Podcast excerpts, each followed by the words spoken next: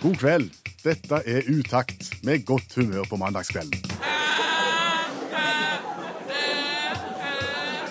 To timer i godt selskap.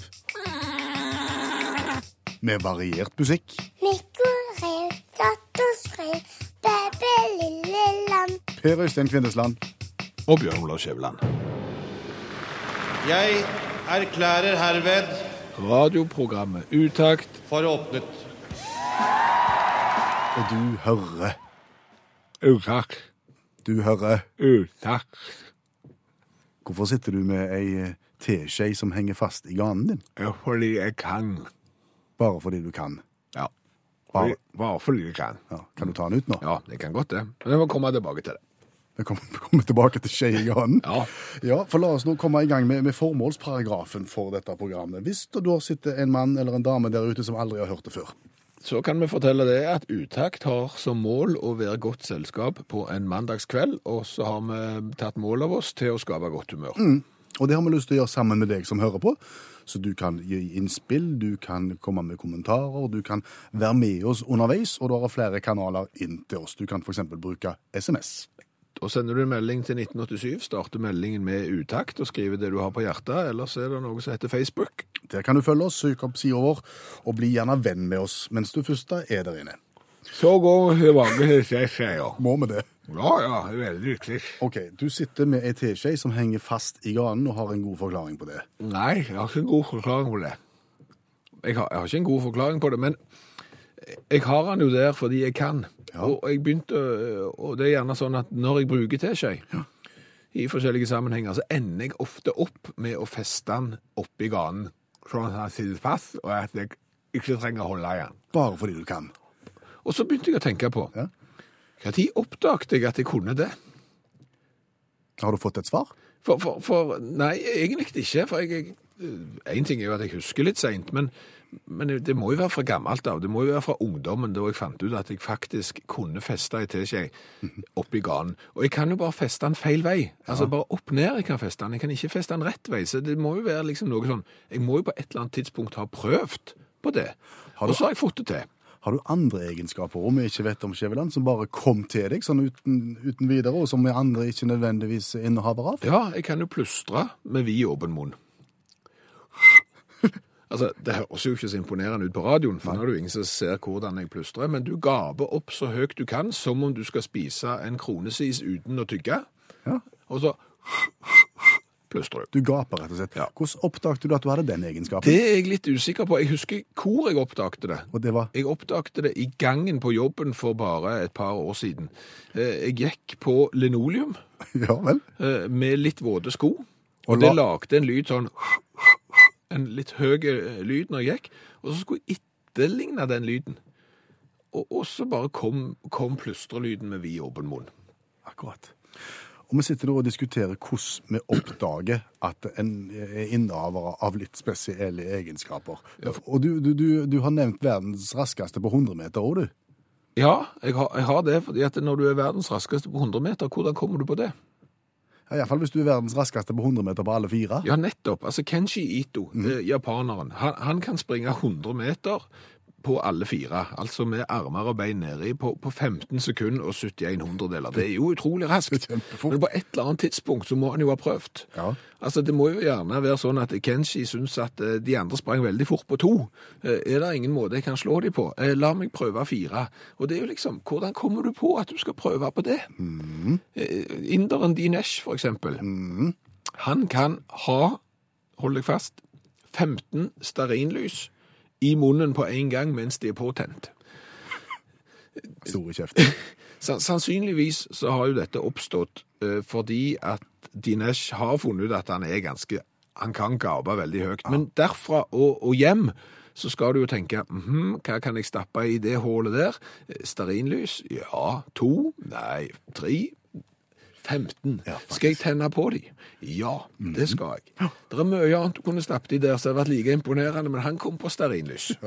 Og så har jeg hørt om hun som dirigerer et kor, som på en måte bare vet navnene på alle som synger i koret hans. Jo, men det må du jo kunne når du synger i kor. Du må jo vite hvem som synger bariton og, og Ja, men hør nå her. Du kommer som ny dirigent, og du har aldri sett koristene dine før. Og så spør du én gang hva heter du, hva heter du, hva heter du, hva heter du, hva heter du. Det er ganske mange i et kor, Ja. og så kan du det. Det er en ganske syk egenskap. Det er en syk egenskap, for jeg har jo jobbet sammen med deg i syv år, og jeg vet jo knapt hva du heter. Ja, det, Så det er jo intet mindre enn eh, imponerende. jeg føler vi må nærme oss en konklusjon på det vi sitter og snakker om. Ja, vi må det. Fordi at vi har vel da konkludert med at plutselig så oppdager du at du kan noe, eller så tenker du at du skulle lært deg noe som ingen andre kan. Men, men, men der er en, og grunnen til at vi snakker om dette her, er fordi jeg har nettopp lest en sak om en som er flink til å male, og jeg lurer på hvordan han fant ut at han var flink til å male. Jeg tipper han fant det ut i formingstimen på barneskolen. jeg. Det håper jeg ikke. Sier du det? Ja, for fordi han er ikke flink å male med pensel, ser du. Hva maler han med? Han maler med tissen. Han gjør det, ja. Ja, Han maler med penis. Au. Og da skal du ikke ha begynt i formingstimen, for å si det sånn. Du skal iallfall ikke ha vært formingslærer, og nå skal jeg vise dere hvordan dere maler. Men på et eller annet tidspunkt så må du jo ha prøvd. Altså, du må jo ha tenkt at det, Vet du hva? maling er kjekt. Hva skal jeg male med? Jeg tror jeg maler med tissen. Den tanken der, når du aller første gang finner ut at dette er du ganske god til, og så viser det seg at du er faktisk ganske god, så lager du landskapsmaleri på landskapsmaleri mens du står der og sveier. Jeg tror han kom på den gangen han gikk på et linoleumsgulv. Willy Nelson, 82. Etter det vi har grunn til å tro, verdens eldste mann med musefletter. Ja, det, det kan vi godt si. Ja. Du, Ja. om du vet hva cookies er? Hva cookies er? Ja, eh, gjerne av typen Maryland. Det er små, brune, gode kjeks med, med sjokoladebiter oppi. Nei. Jo. Men, men, Det er cookies. Ja, men jo, men nei. Det finnes andre enn Maryland Ja, også. ja, det, ja, men det er ikke kjeks vi skal fram til. Ikke sånne kjeks iallfall. Vi skal til internettkjeks. Informasjonskapslene cookies. Jeg vet hva det er òg. Ja, og, og hva er det? Det er sånn som jeg får advarsel om hver gang jeg nå går inn på en ny nettside. Eh, Et eller annet med vi, 'vi tar dine cookies', eh, er det greit for demses? Og så trykker jeg OK, og så går jeg videre. Og jeg vet at det har et eller annet med å gjøre at de, de finner ut hva jeg er interessert i, sånn at de kan pumpe markedsføring på meg i neste øyeblikk. Riktig det. Vi vet ikke helt hvordan de virker, men et eller annet gjør at eh, internettet dermed skjønner litt hva du er interessert i. Og det er særdeles irriterende hvis du har hatt en kort interesse for noe litt spesielt, som ikke har vart lenge, men som internett mener det her bør du være interessert i fremdeles. Og så er du ikke det. Nei. Nei. Har vi et eksempel fra virkeligheten? Ja, altså, jeg, jeg, jeg var interessert i vinsj og talje. Men nå er det slutt. Nå er du ikke interessert i det. Nei, det var bare en dag. Eh, Men da var jeg til gjengjeld veldig interessert i vinsj og taljer, eh, for jeg hadde en genial idé om hvordan jeg skulle komme meg opp på fasaden av huset mitt uten å leie stillas, uten å leie lift og uten å risikere livet i en 14 meter lang stige. Men du trengte vinsj og talje? Da hadde jeg et konsept som involverte vinsj og talje, og så søkte jeg en del på vinsj og, og talje på internett, og leste litt, og så hva de kostet, og fant ut at de på 12 volt var ganske mye billigere enn de på 220, og så videre, og så videre. Så der fikk jeg da plutselig litt kompetanse. Akkurat på vinsjetalje. Ja. Men nå er interessen slutt, men in internettet har ikke skjønt det. Nei, for hver gang jeg er inne på en side som skal reklamere for et eller annet, sant, så tror jo internett at jeg fremdeles er interessert i vinsj og taljer, og det er jeg jo ikke. Så, så slutt nå. Jeg må få lov å gå inn på Facebook, jeg må få lov å gå inn på diverse nettsider uten å, å bli påminnet om vinsj og taljer. Så hvis internettet hører på nå, Ja. så ta og noter ned dette her. Kjære internett, slutt å reklamere for vinsj og taljer. Jeg er ikke interessert lenger. lenger. Men dette er jo ikke det verste eksempelet. Har du flere? Ja, ja, men altså, dette er jo en konsekvens av at jeg faktisk var inne og studerte vinsj og taljer. Ja, og så ble du sikkert advart mot at de tok cookies, så dette her kunne du egentlig regne med at kom til å skje. Ja, men, jeg synes det er mer oppsiktsvekkende at, og nå er vi lenge før, eh, vi er lenge før vinsj og taljeproblematikken her. Ja. Altså, vi skal langt tilbake i tid. Ja vel. Og, og, og fremdeles så får jeg reklame for noe som jeg ikke skjønner, for jeg har ikke vært interessert i det, jeg har ikke surfa på det, jeg har ikke vært inne på nettsider som omhandler det i det hele tatt. Og likevel så får du reklame for. Ja, nå tenker jo du at det sikkert er noe pornografisk er materiale noe og sånn, og så skal jeg si at nei, det er ikke det, for jeg har aldri vært inne på det. Nei, det er faktisk ikke det. Nei. Det er trappeheis. Internettet har funnet ut at Skjæveland, 45, Ja. er en ekstremt eh, interessant mann for, for Og, trappeheisselgere. og for eksempel Facebook eh, har sånn, eh, denne siden kan være av interesse for deg, og så er det jo en video om eh, hvor kjekt det er med trappeheis. Og jeg er jo i utgangspunktet ikke interessert i trappeheis. Nei, en trappeheis er jo, er jo noe som går seint langs ei trapp, og det er jo gjerne for folk som har problemer med å gå i trapp. Ja, det er jo det, og jeg kan jo ennå gå i trapp. Men det som jo nå har skjedd, når jeg har blitt påminnet om dette gang etter gang etter gang, er at jeg faktisk vurderer om jeg skal ha trappeheis. Eh, vi må tilbake til Ungarn-kampen i går. Du har jo allerede sunget en sang om dette laguttaket og hvor skeis det gikk, og sånn sett så skal vi være glad for at vi ikke kom til fotball-EM, så slipper vi å drite oss ut eh, der nede. Men jeg har funnet en løsning. Du har funnet en løsning. Ja, okay. som jeg tror vil gagne det norske folket, som vil gagne sponsorer, som vil gjøre at eh, Norge virkelig da blir eh, lagt merke til. For du vet jo det at et godt landslag, mm. det skaper blest, og ikke minst det skaper økonomisk vekst for det landet som har det. Hvordan skal vi løse dette her? Vi skal kjøpe Lionel Messi. Vi skal kjøpe Lionel Messi. Blir ikke det uforholdsmessig dyrt? Jeg tror det kan sikre regelmessig suksess. OK. Uh, og at eh, kjøpet av Lionel vil oppskriftsmessig føre oss til alle mesterskap år etter år etter år etter år. Absolutt, absolutt hensiktsmessig i forhold til sponsorer. Ja, også kvalitetsmessig så er han uovertruffen, det er det ingen tvil om. Ja, u- utseendemessig så ser han nok noe unorsk ut, og det vil vi nok få kritikk for, men uh... Her må vi tenke fotballmessig, rent fotballmessig. Ja, for det er ikke tvil på, Øystein, om at det norske landslaget er jo ikke akkurat eh, standsmessig. Nei, noe må gjøres. Om det Men- må gjøres, ja. Ja, ja, men, men hvordan vil verden se på det? Eh, verden vil se på det som en eh, omdømmemessig katastrofe, eh, når vi nå vil kjøpe oss til suksess. Ja. Men det haster jo egentlig, for at tidsmessig så har vi jo ikke mer enn ti år veien her. Nei, Så her må det rett og slett tas en eh, fagmessig avgjørelse fort. absolutt. Kristel Alsos og Bo Kaspers Orkester, hold ut! Ja, og hold ut, kjære lytter på NRK P1, for vi skal rett og slett til Ungarn enda en gang. Altså Hver eneste gang Norge har vært i aksjon i en eller annen form, så, så er det sånn at en, en gjerne leser i avisene i det landet en har vært, for å se hva de eh, lokale avisene skriver om det vi har gjort. Ja. Og i dag så er det jo ikke en eneste sportsredaksjon i hele Norge som ikke har sitert ungarske aviser. Og vår faste mandagsgjest Olav Hove, eh, allmennlærer på to vekttall i musikk, har også lest ungarske aviser. Og hva skriver de ungarske avisene i dag? Nei, Mye fokus på Bela Bank i Horvat, selvfølgelig. Um, På Bela Bank i Horvat. Bela Bank i Horvat, ja. Sett ny verdensrekord på 200 meter rygg i svømming.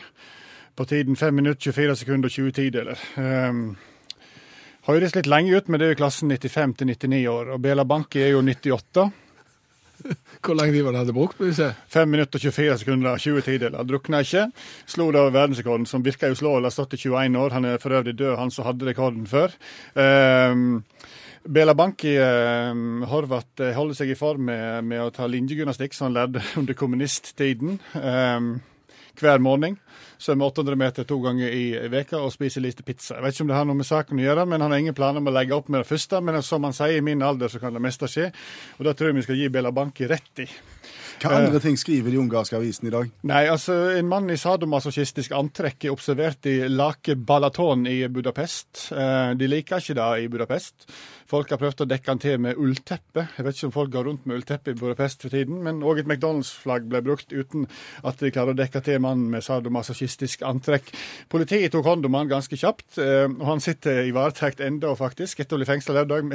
I, mellomtiden så prøver politiet å finne ut om det er ulovlig å gå rundt i lær og kjetting i Budapest. Det vet de ennå ikke, men han sitter iallfall inne. Er det andre ting de ungarske avisene er opptatt av i dag? Ja, Josef Kotrosko f.eks. Uh, har sett en rekord. Han har bygd Ungarns minste kors i flaska. De kjenner kanskje til at eh, De har sikkert sett eh, skip i flaska. Ja. Eh, Josef Kotrosko han bygger kors. Eh, 24 millimeter høyt i tre. Men det er jo ikke så imponerende å bygge 24 mm kors hvis det er store flasker. Nei, det er nettopp det Guinness rekordbok har sagt òg. For han har prøvd å komme seg inn i Guinness rekordbok, men de har sagt at åpningen er for stor i flaska, og til tross for at flaska er liten, ikke plass til en urinprøve engang. Eh, så selvfølgelig bestyrtelse og raseri i ungarske aviser over at Josef Kotrosko ikke har kommet inn i Guinness rekordbok med korset sitt. Eh, og dette er òg en mann som har bygd en modell av Jerusalem på 10 ganger 10 cm, så han er en jækel til å, å bygge små ting. Um, føler de at, at Guinness på en måte fører et korstog mot ham ja, definitivt. altså. Definitivt. Um, Magyar Tudomanjos-instituttet, kjenner de til det? Uh, driver med forskning, har forska på såpass viktige ting som hvilke egenskaper som genererer mest tips på restauranter i Ungarn. Uh, Gyør og Budapest, så jeg vil ikke si det helt fullstendig, men uh, hold dere fast. Den grunnen som skaper mest tips, er store pupper, uh, viser det seg. Eh, spesielt menn gir mer tips når damer, servitørene har store pupper.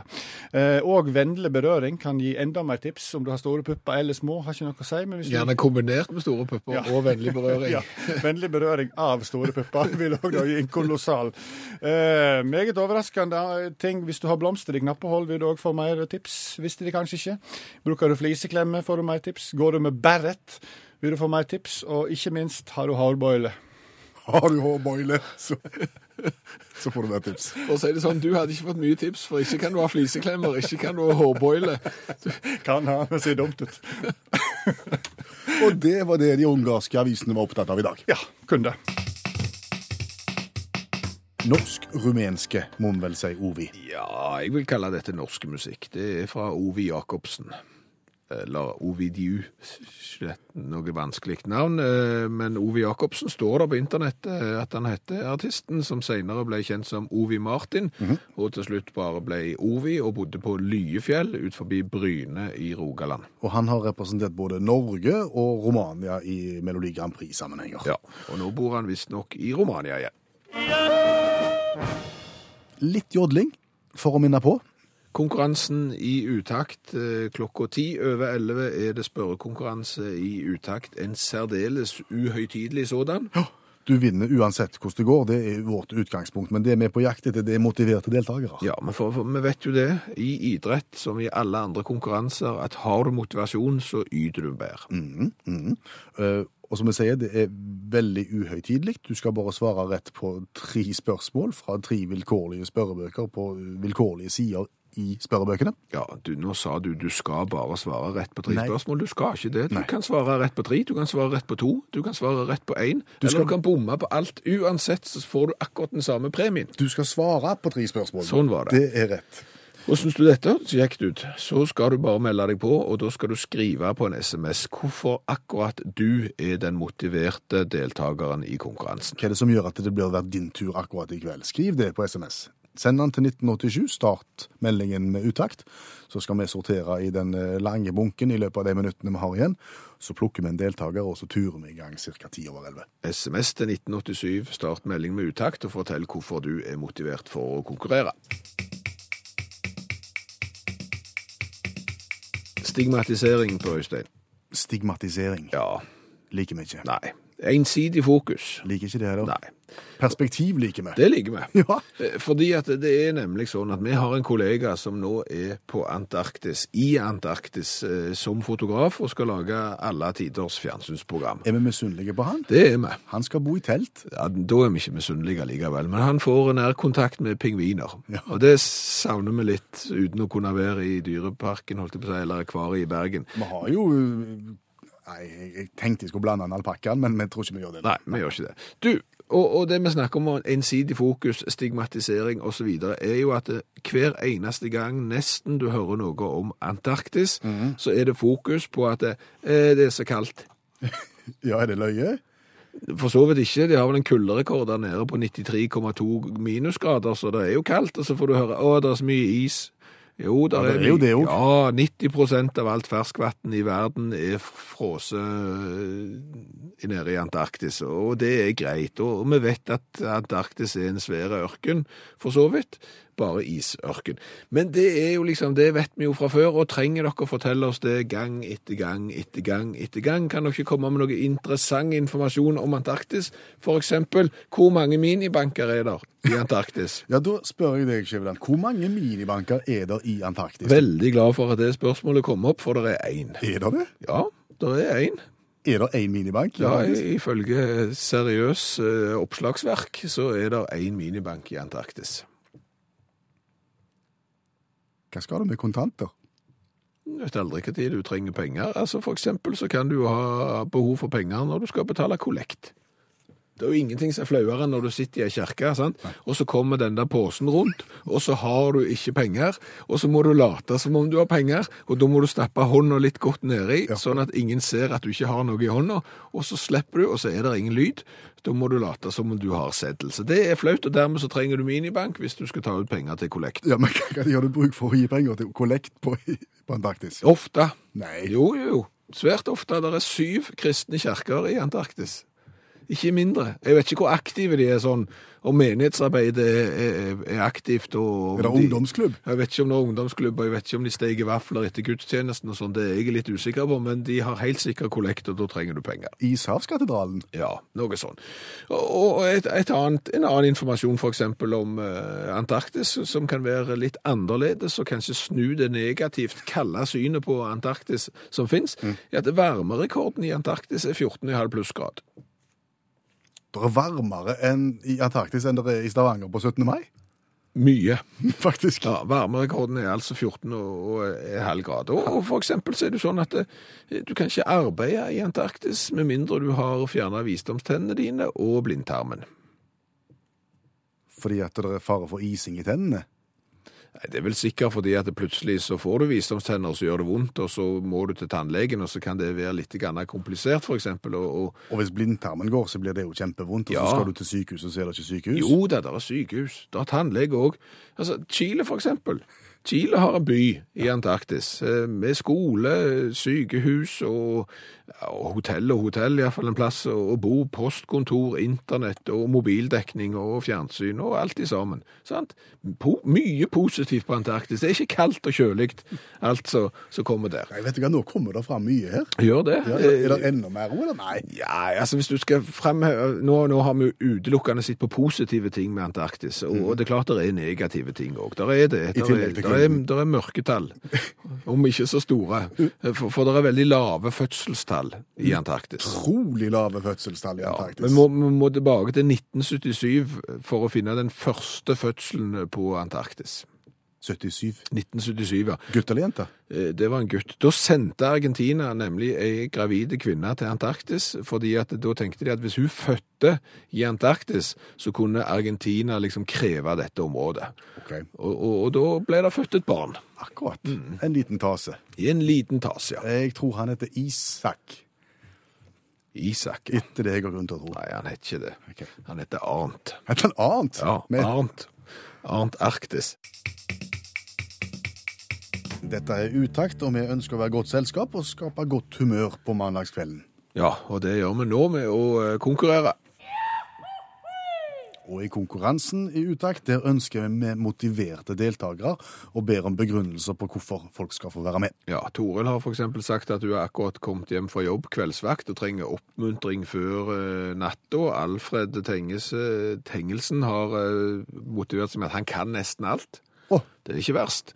Eh, Sissel Karin er toppmotiverte for å akkurat stelt i fjøset på, for eh, kvelden, mens eh, Petter Rønningsen han er jo motiverte fordi han syns at konkurransen i utakt virker lettere enn de andre konkurransene.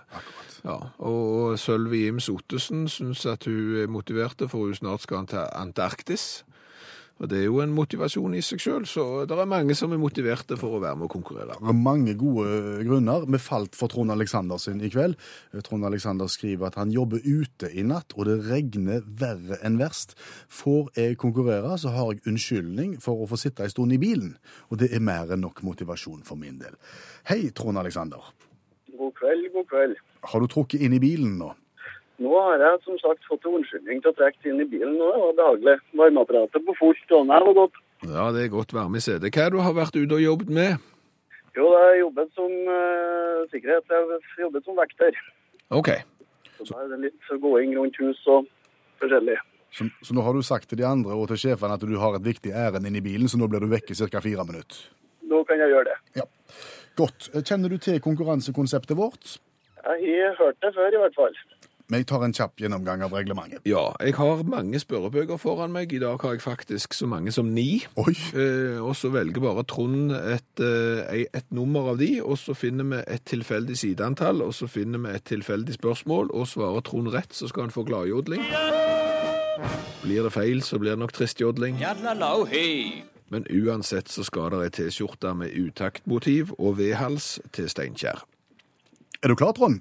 Ja, det er det. Da skal du få begynne å velge et tall mellom 1 og 9, så skal vi først finne første bok. Da prøver vi nummer åtte. Prøve nummer åtte. Da fikk du den boka som er tjukkest av alt. Det er Quiz-giganten. 3000 spørsmål og svar, og det er 404 sider. Hvor skal vi hen? Jeg velger sidetall først. Da Da må vi da vel prøve side 38. Side 38. Vi er langt, langt framme. Og vi er da på samfunnsfag. Det er 15 spørsmål om samfunnsfag. Hvilket skal vi ta? Da tar vi nummer 15. I hvilket land er øre en myntbetegnelse? I hvilke? Altså i flertall her. Kan du gjenta? I hvilke land, altså flertall, hvor, i hvilke land er øre en myntbetegnelse? I hvilke land? Altså flere, ja. Eh, jeg sier det. Eh, det var noe i Norge en gang i verden, men eh, det er det vel ikke lenger nå. Lenger nå, i hvert fall ikke sånn.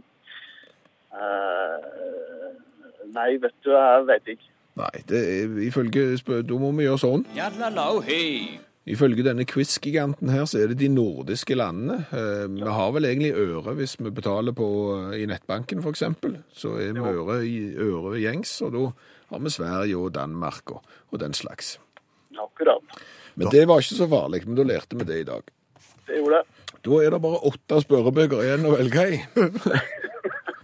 Da må vi prøve nummer fem. Nummer fem, 1, 2, 3, 4, 5.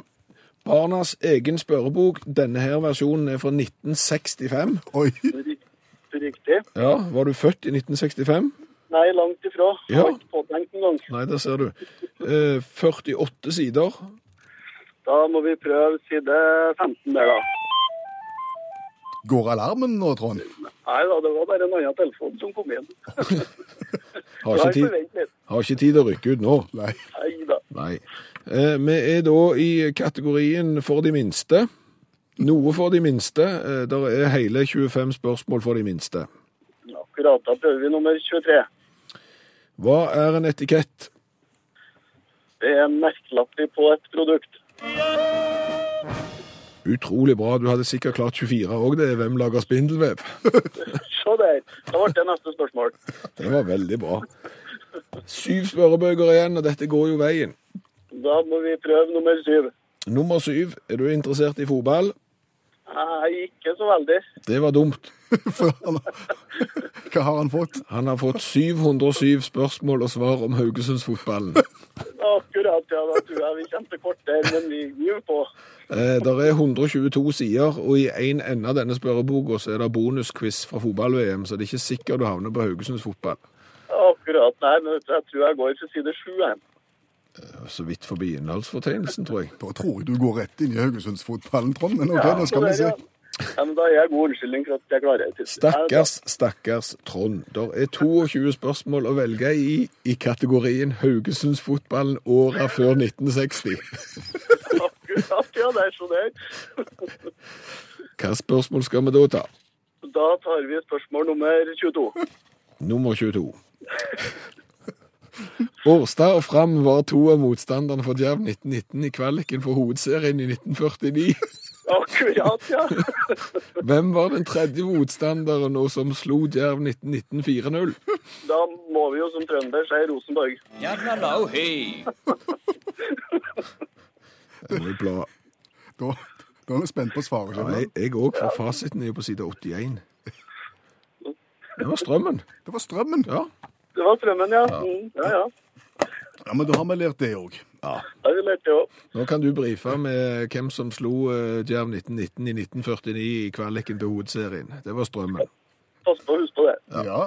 Og så visste, så, så- og så visste vi det med, med edderkoppen. Ja, men dette var bra, dette her. eh. Har det, har det vært eh, mye å gjøre på jobb i dag, eller har det vært rolig? Nei, ennå så har det vært rolig. Tidlig, på- tidlig på natta ennå, så vi, men vi håper det fortsatt sånn. Hvor, hvor lenge går du på jobb nå? Nei, varierer litt eh, etter hvor, men hun blir nå i hvert fall seks-sju før hun er ferdig. Akkurat. Og da er det hjem på divanen.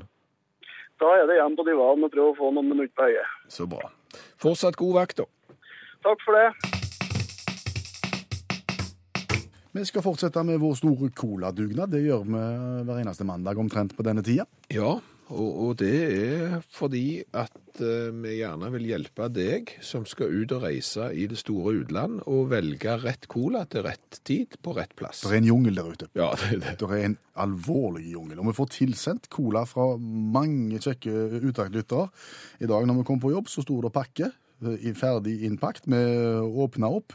Kjære utakt. Eh, ingen interkommunal tur denne gang, men derimot et funn på den lokale menybutikken på Notodden, Telemark.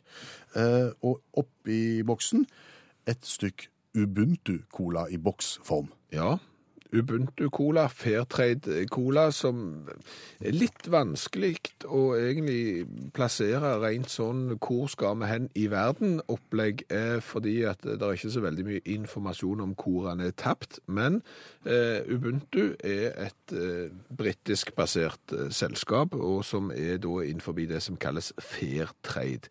Hvis du velger denne her colaen her, det ble første gang lansert i i eh, Storbritannia i 2007, og hvis du velger denne eh, colaen her, så, så får du da sukker fra Kinchatula kooperativ i Malawi eh, og fra Kalia kooperativet i Zambia. Og de garanterer da at hver eneste gang du drikker denne colaen, så får de betalt de som skal ha betalt. Akkurat. Det er Anja som har funnet denne her Ubuntu-colaen til oss på Notodden. Og det vi da rett og slett skal gjøre, det er å smake på verket. Vi skal gi karakter for smak. eh, Terningkast én, eller vi kan ikke si terning heller, fordi at vi gir karakter fra én til ti. Først på smaken, og så ser vi litt på design, på boks osv., og, så og så gir vi karakter én til ti for det vi kaller kulhetsfaktor. Vil du bli sett med en Ubuntu-cola der du henger på gatekjøkkenet? Ja, og dette er en cola som uh, du kan kjøpe i eh, Storbritannia, du kan kjøpe den i Irland, du kan kjøpe den i Sverige, og du kan kjøpe den i Norge og Belgia. Vi går for smaken. Ja, vær så god. Hvordan var de amerikanske sukkerbønnene? Var de ikke malawiske? Hva jeg sa? Amerikanske. Så jeg amerikanske? Jeg mente jo afrikanske. Altså det er jo fra, fra Zambia og Malawi. Jeg vil si at det, sukkeret fra Malawi, hvis det er det vi snakker om nå, Ja. er mye beiskere enn sukkeret fra, som, som vi kjenner. For, for her var det lite søtt. Det var, det var jeg Det var litt rart beiskt, var det ikke det? Det var godt, jeg, men det smakte litt kort. Forsvant fort. Ja. Men det var, det, var, det var ikke verst i det hele tatt. Jeg fikk altså, litt, jeg fikk litt medisinfølelse, jeg. Jeg syns ikke noe om den smaken i det hele tatt. OK. Så må du eh, avgi en dom. Jeg gir en, jeg gir en firer i smak. Det er det meste du kommer opp i, ja. Ja. Nei, jeg må si at jeg syns det var bedre enn som så. Jeg er jo glad når det ikke er for søtt, men jeg kunne tenkt at han hang igjen bitte litt til, så jeg går opp til seks. Da har vi ti totalt i smak. Yes. Og så er det hvor kult er dette her. Ja. Eh, jeg vil jo se, skal, vi, skal vi beskrive boksen først? Dette her er en, en vanlig 033-boks, type eh, grå-beige med noen røde flekker på. Og så står det Ubuntu ganske rent og fint, og så er det et Fairtrade-merke i front som skal fortelle litt om, om den varianten. Ja. Jeg må jo si at jeg syns det er veldig bra at noen tar ansvar og, og lar de Altså, rett skal være rett, og de som skal ha betalt, skal ha betalt, og de skal ha rette arbeidsforhold og alt. Det er det er bra. Ja. Og det har jeg for så vidt lyst til å premiere. Ja, Men samtidig så føler jeg at liksom sånn cola, sånn litt mer rebell. Okay. Litt mer sånn Nei, jeg er meg sjøl. Jeg har skinnjakke og, og vaselin i håret. Så du er dette, dette er på en måte en, en litt voksen mann eller voksen dame her, og så ville du helst hatt en ungdom? Ja, Jobb, jeg, jeg, jobb, ja så, så jeg Midt på treet, tror jeg. Jeg legger meg på fem. Ja, jeg syns han ser både tøff ut, og jeg applauderer eh, samfunnsengasjementet, så jeg går opp til sju. Det er da 22 poeng totalt. Til Ubuntu. Ja, og da er du oppe i eh, topp ti. Sier du det? Du er oppe med amerikanske RC-colaen og den svenske Cuba-colaen og den eh, danske Hancock-colaen. Så du er oppe i et godt segment der, Ubuntu. Men fortsatt så leder Den norske Tøyen-colaen. Du kan gå inn og se komplette lister på vår Facebook-side. Jeg vet, Skjæveland, at du er en kryssordentusiast. Ja, det vil jeg ikke si. Eh, jo, tidvis kryssordentusiast, men samtidig en kryssordskeptiker. For det er jo ting med kryssord jeg ikke liker, eh, blant annet at de hele veien bruker ord som jeg aldri bruker i det norske språket. Det er jo helt sånn meningsløse ord noen ganger, så det liker jeg ikke. Men, men jeg liker å bryne meg på kryssord. Ja, det, det er fin hytteaktivitet. Ja da. Og gjerne de litt store, der du på en måte har en sånn løsningsstripe som du skal fylle ut til slutt, som har en litt annen farge, så skal det bli til noe Ja. som du kan sende inn. Og, og nå har jeg oppdaget en kryssord som uh, sier at uh, det er den eneste kryssorden i Norge som har et limerick-løsningsord. Ikke bare en liten setning, Nei, og ikke bare en beskrivelse av et bilde. ikke en vits og ingenting. Men en hel limerick? Yes, sorry. Da er det en svær, et svært kryssord som skal klare å fange opp en hel limerick i Ja, det løsningsord. iallfall ei side i avisa. Mm. Klarte du hele kryssordet? Det, jeg tror det. Det er litt av den kritikken jeg har, at jeg tror det. Men, men du begynner å få litt grann av tvil, fordi at hvis du f.eks. har en vits, så føler du at du har rett fordi at det liksom vitsen gir mening. sant? Og her tror jeg jeg har rett, fordi jeg har egentlig føler jeg fullt ut rett, men så er jeg litt i tvil, fordi at limericken er ikke 100% korrekt, i min, etter min forstand, og iallfall etter din forstand. Nei, altså, jeg kan jo limerick. Ja. Jeg er sønn av en limerickkonge. Ja. Så, så dette vet jeg mye om. Eh, Og hva er problemet? Er det rytmikken i limericken, eller, eller er det innholdet du har problemer med? Det er Rytmikken er så som så. Eh, tidvis bra, tidvis dårlig, men det mangler noen bestanddeler, mener jeg, for at det skal være en forriktig limerick. La oss lese løsningslimericken som du har kommet fram til gjennom å klare dette kryssordet. Ja, en freidig forfatter fra boken skrev bok, og her er epilogen. En lydhør person som har megafon, får svar som han roper i skogen. Ja, intuitivt så hører jeg at her er veldig mye bra eh, rytmisk. Det er, der er Altså, lite først- halting rytmisk. Ja, men, men altså, første linja er bra. En freidig forfatter fra boken. Altså, Der har du nesten bokstaver, du har bokstaveri med FFF, og så boken. Men så kommer problemet, ser du. Skrev bok, og her er epilogen. Det er jo epilogen. Ja, det er så. Boken og epilogen rimer jo når du skriver det, men det rimer jo ikke når du sier det. Nei. Så da begynner du å lure, har jeg skrevet feil her? Akkurat. Men det passer jo med hovedstaden i liksom, det ene landet etter det andre, så sånn sett så skulle du være rett. Så fortsetter det. En lydhør person som har megafon. Forsvar som han roper i skogen. Hva har det med forfatteren og epilogen å gjøre? Nei, det eh, skjønner ikke jeg heller. Og så vet vi jo det at vi som, eh, og spesielt du, som er, liker limerick veldig godt, mm. at siste setningen skal jo være vovet. Ja, gjerne med et humoristisk og ikke sjelden grovt poeng. Ja. Forsvar som han roper i skogen. Ikke spesielt Holder vovet. ikke mål, altså. Nei. Så, så her eh, er det ting å gå på. Eh, Altså, enten så har du gjort det galt. Det kan jeg ikke se. Nei. nei. Eh, OK.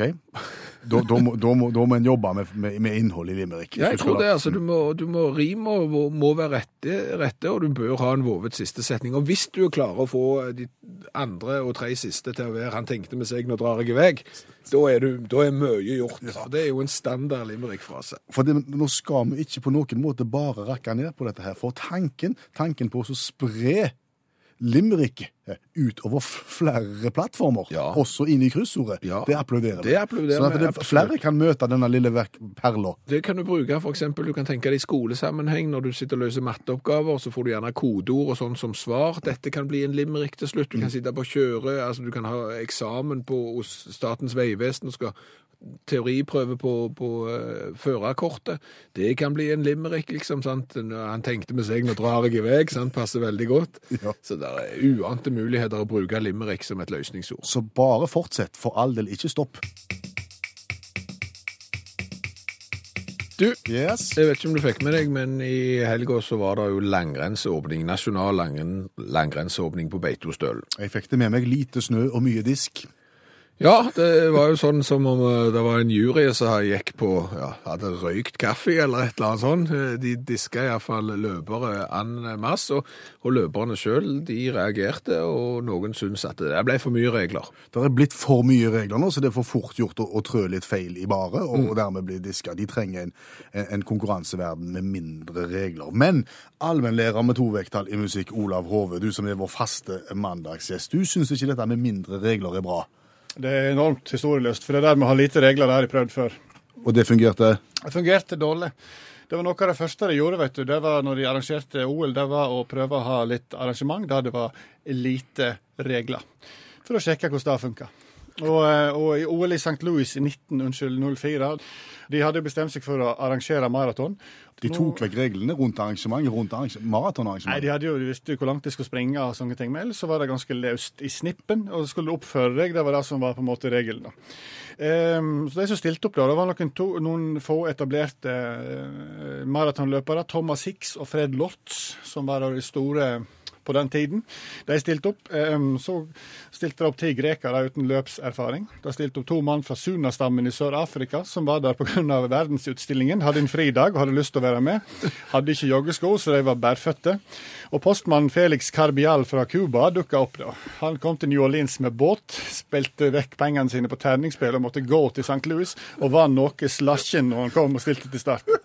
Men, eh, men, eh, men Felix Carbial stilte opp i hvit genser, i dressbuksa pub-til-pub-sko, og fikk beskjed om at det var litt kjipt i den varmen, så noen klippte av ham dressbuksa, og så var han klar. Så starta det, da. Da var det 34 varmegrader i St. Louis, og det var ingen trafikkbegrensninger, som sagt. For hvorfor skulle en ha det? Dette her var olympiske ånd. Du skulle jo sveve over vannet, og du skulle ikke komme borti det. Så var det lite, det var lite asfalt, kan du si. Så hvis det var ingen trafikkbegrensninger, så var det en del støv. Noe som medfører at etter, etter 10 km så var det 13 stykk eh, bråte pga. lungeemfysem-lignende symptom. Eh, to stykker ble påkjørt av trikken. Én brøt pga. togpåførte støytskader. Og, og flere klager på at de ble kjørt over tennene av vogner underveis. Så hadde òg James Sullivan, selveste teknisk delegert for juryen, han hadde bestemt at det skulle være to drikkestasjoner, fordi han ville teste ut grensen og effekten av det han kalte for hensiktsmessig dehydrering. Og det virka ikke i det hele tatt. Men iallfall, for å komme tilbake til selve løpet, da, så gikk jo Thomas Hicks tidlig ledelsen, og sørafrikaneren sør Len Tau, som han faktisk heter, han som ikke hadde løpserfaring, men hadde en fridag, han, eh, han tok et magedrag og gikk opp i en ganske stor ledelse. Hadde nesten et minutt ledelse en periode, men ble møtt av noen villhunder.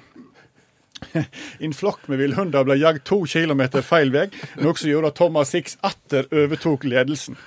Eh, postmannen fra Cuba, han, eh, han eh, er høyere sosial type, snakket med folk langs veien. Så kom han forbi en gard i St. Louis, og der satt det noen folk.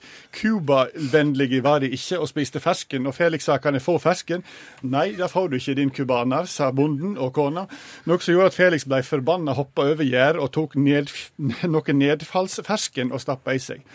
Råtten nedfallsfersking gjorde at han umiddelbart fikk magevonde måtte legge seg nedpå og ta seg en liten eh, hvil. Det samme skjedde med Fred Lortz, han som jeg sa var en av favorittene.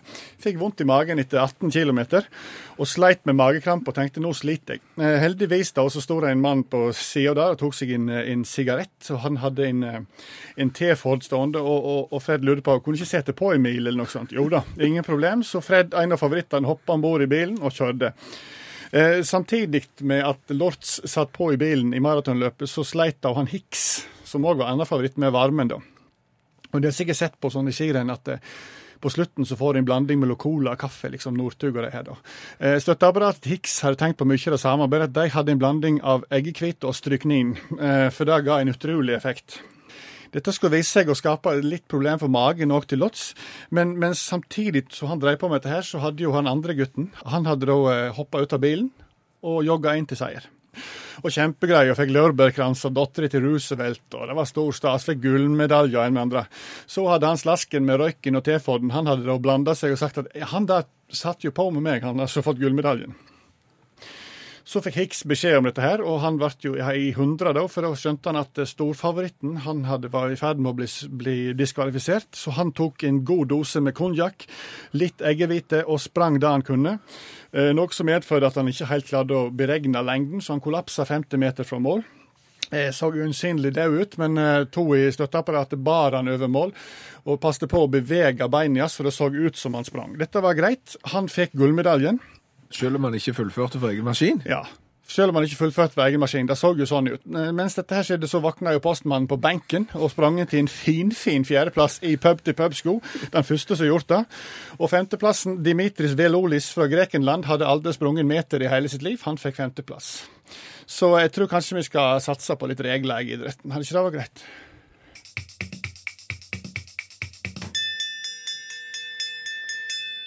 Utakt leser høyt fra boka 'Norges morsomste vitser'.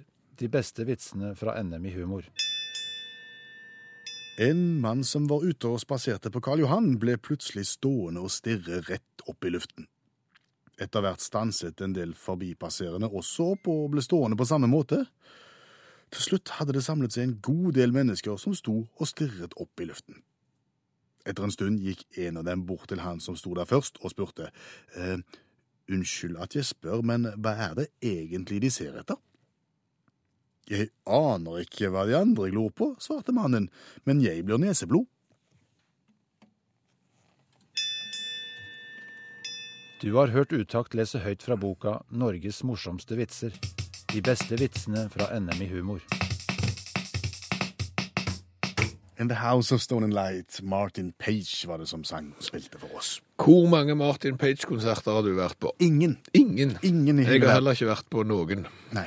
Jeg klarer ikke én sang til heller, som han har skrevet. Hvor mange Phil Collins-konserter har du vært på? Fem. Det begynner å hjelpe. Ja, det spørs nå det. Hvor mange Toto-konserter har du vært på? Ja, Nærmere ti, tenker jeg. Nærmere ti. Det er fattig. Det er jo fattig. Det er òg elite, ja. Perspektivet er vi jo opptatt av her i Utakt, og vi er òg opptatt av en god kommunikasjon mellom oss i studio og folk der ute, som kan fortelle oss om ting som kanskje er litt utenom det vanlige. Det kom en melding nemlig fra Turi fra Vinstra litt tidligere i programmet, Ja. som fortalte litt om konserter, og som satte våre konsertopplevelser litt i perspektiv. Ja, for hun hadde bare behov for å fortelle at hun har vært på 51 konserter med Electric Light Orchestra. Hør flere podkaster på nrk.no podkast.